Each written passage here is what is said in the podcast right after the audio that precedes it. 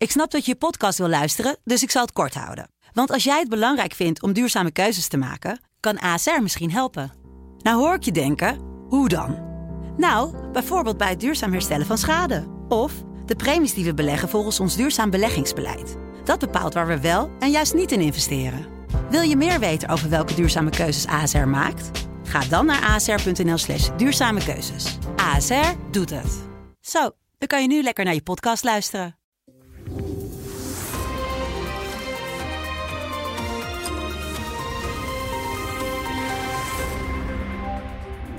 Welkom weer bij ons wekelijks gesprek met Paul Jansen, hoofdredacteur van de Telegraaf. Paul, we bespreken met jou wat je bezighoudt in het nieuws. We gaan het hebben over de Nederlandse steun uh, over de oorlog in Oekraïne. Heel veel nieuws is over geweest. Rutte heeft natuurlijk bij Biden gezegd dat hij wil dat Poetin de oorlog niet wint. Ook 2,5 miljard extra uh, is aangekondigd als steun. Het gaat over de luchtafweer, Patriot-systemen. Het gaat over de Leopard 2-tanks.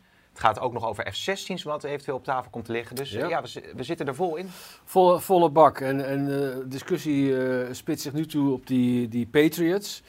Er is op dit moment trouwens een uh, hele belangrijke conferentie gaande in Ramstein met uh, 50 defensieministers, meen ik. Om te kijken, ja, wat gaat de, de NAVO nou nog, nog meer doen om Oekraïne te helpen. Maar het is, het is, een interessante discussie, want je ziet ook het sentiment. Aan de ene kant, Nederland zegt, hè, premier Rutte heeft dat op het Witte Huis ook duidelijk gemaakt vol commitment. Ja. Uh, Poetin mag die oorlog niet winnen en dus moeten wij Oekraïne steunen. Maar je, je hoort ook wel andere geluiden van ja, maar wacht eens even. Zijn wij nou niet ons, ons materieel aan het weggeven wat we zelf nodig hebben voor, voor de verdediging van Nederland?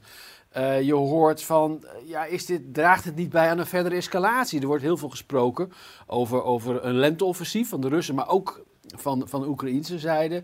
en een derde ehm, argument wat je hoort om, om toch te twijfelen aan het leveren van wapens, eh, in het bijzonder die Patriots. Van ja, kleedt dat niet onze eigen krijgsmacht steeds meer uit, um, zo, zodat wij groeiende tekorten krijgen. En als je die, die punten naloopt, is een inter interessante discussie ontstaan tussen defensieanalist die vaak op tv is, Rob de Wijk uh, aan de ene kant, en uh, oud-commandant strijdkrachten Dick Berlijn, waarbij Berlijn zegt, ja, uh, wij hebben die Patriots zelf nodig. Joh, onze krijgsmacht is helemaal niet van die omvang dat wij Nederland zelfstandig kunnen verdedigen. En juist daarom zijn ja. we lid van de NAVO. Dus we moeten die wapens gewoon leveren. Een discussie die op, op Twitter werd gevoerd.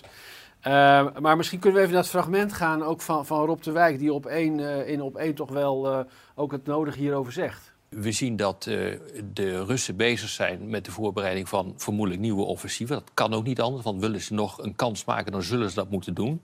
Dus de kans is vrij groot dat je een enorme escalatie gaat krijgen van het hele conflict. Ja, ergens in het voorjaar van de zomer. Dat, die kans is vrij groot. En dan weet je gewoon niet wat er gaat gebeuren. Zeker niet uh, in de context van het veranderende verhaal van Poetin. Want? Die, nou ja, Poetin die praat steeds minder over Oekraïne zelf, maar praat steeds meer over de NAVO, waarmee die in conflict is. Als het gaat over die escalatie, eh, Paul, heeft Rob de Wijk hier een punt?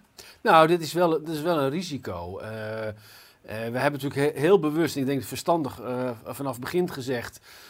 toen natuurlijk de vraag kwam, moet de NAVO direct betrokken raken bij het conflict? Dat is gezegd, nee, dat, dat gaan we niet doen. Het is ook geen aanval op NAVO-grondgebied. Uh, de, de, de inval in, of de agressie tegen Oekraïne. Um, maar er komt nu wel weer een, een, moment zo langzamerhand dat er weer die vragen worden gesteld: van ja, worden we toch niet langzaam dat conflict ja. ingezogen? Want laten we niet vergeten, de terughoudendheid, ook bij wapenleveranties, uh, die neemt wel af. Er worden, er worden steeds meer, ook zwaardere wapens uh, ge, uh, ingezet en geleverd. En de hele discussie over die tanks bijvoorbeeld is, is natuurlijk ja heel belangrijk daarin. En ook wel weer een signaal dat, dat de Russen en, en Poetin het gevoel kan krijgen. Ja, ik ben inderdaad eigenlijk in, in strijd met het Westen, met, met de NAVO.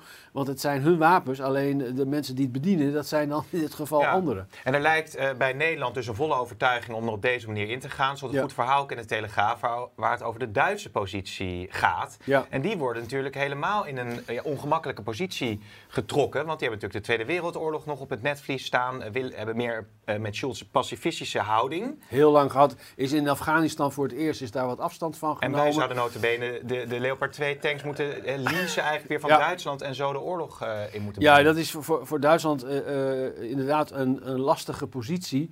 Maar het is, het is voor het hele Westen wel een, wel een ingewikkelde positie. Kijk, toen, toen de Russen binnenvielen in Oekraïne, was toch de gedachte van, hè, dat herinner je misschien nog wel, van dit is nog maar het begin van Poetins, Poetins offensieve strijd. Want die zou ook de, de Baltische staten in het vizier hebben en nog wel meer uh, landen in de regio. En uh, de, de, de aanpak van het Westen is toch wel geweest van Poetin mag deze oorlog niet winnen. Wij willen dan weliswaar niet direct betrokken worden, maar die oorlog moet zo lang mogelijk duren, om het even cynisch te zeggen, om de Russen eigenlijk van hun slagkracht te ontdoen. En als je het zo bekijkt, is uh, het Westen tot nu toe daar heel succesvol in geweest. Mm -hmm. Wel tegen een hele hoge prijs, hè? zowel aan Russische zijde als aan Oekraïnse zijde.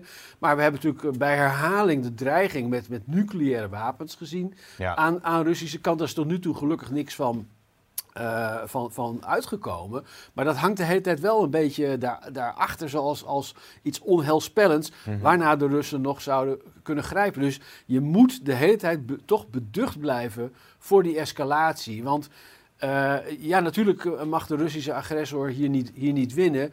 Uh, maar je wil ook niet dat het conflict uiteindelijk een uitslaande brand wordt, ja. uh, wat, wat zich in de regio verspreidt. Nou, en, en dan kom je dus op een ander belangrijk punt van wat nou als het, als het wel overslaat.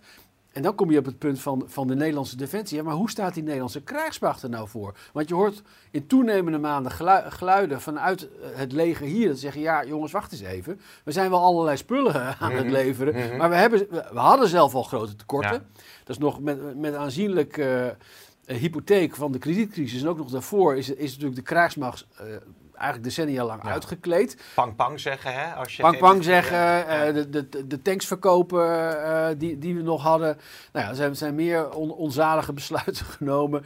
En, en nu was net de discussie in Nederland wel de goede kant op aan het gaan om die inhaalslag te maken. Om ook weer te voldoen aan die 2%-norm van, van mm -hmm. de NAVO. Hè, dat, je, dat je 2% van je, van je bruto binnenlands product aan defensie moet uitgeven. Nou, Nederland voldeed daar volstrekt niet aan. En, en is nu wel uh, in die richting aan het manoeuvreren. Ja. Dan kan je je misschien afvragen, ja, hoe, hoe kan het dan dat we hebben inmiddels al een, een miljard ongeveer geleverd aan, aan, aan, wapens aan Oekraïne? Ja, dat wordt gecompenseerd uit de algemene middelen. Dus dat gaat niet, uh, uiteindelijk niet ten koste van de defensiebegroting die mm. nu ongeveer op 13 miljard zit. Maar geld is één ding, dat is heel belangrijk, daar niet van.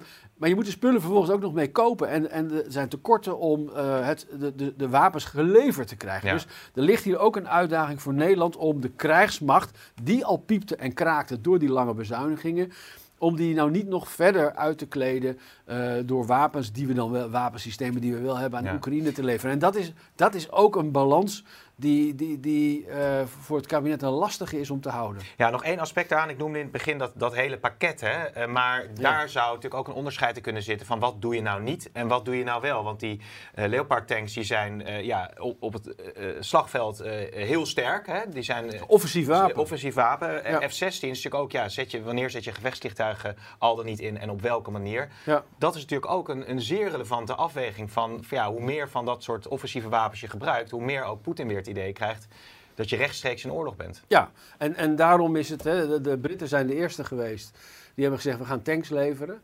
Uh, en, en daarmee is wel een nieuwe fase ingegaan. Want het, uh, het, het, begon natuurlijk met uh, het leveren van anti-tankwapens, ja.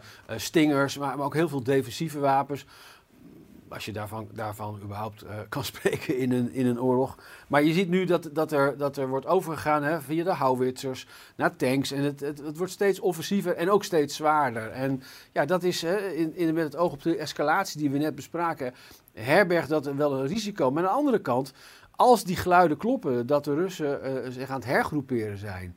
En uh, in het voorjaar met, met een offensief zouden komen ja, dan moet je wel met volle bak daartegen ingaan uh, aan de Oekraïnse zijde om, om te voorkomen dat je niet alsnog een ruim een ja. jaar na de oorlog wordt overrompeld.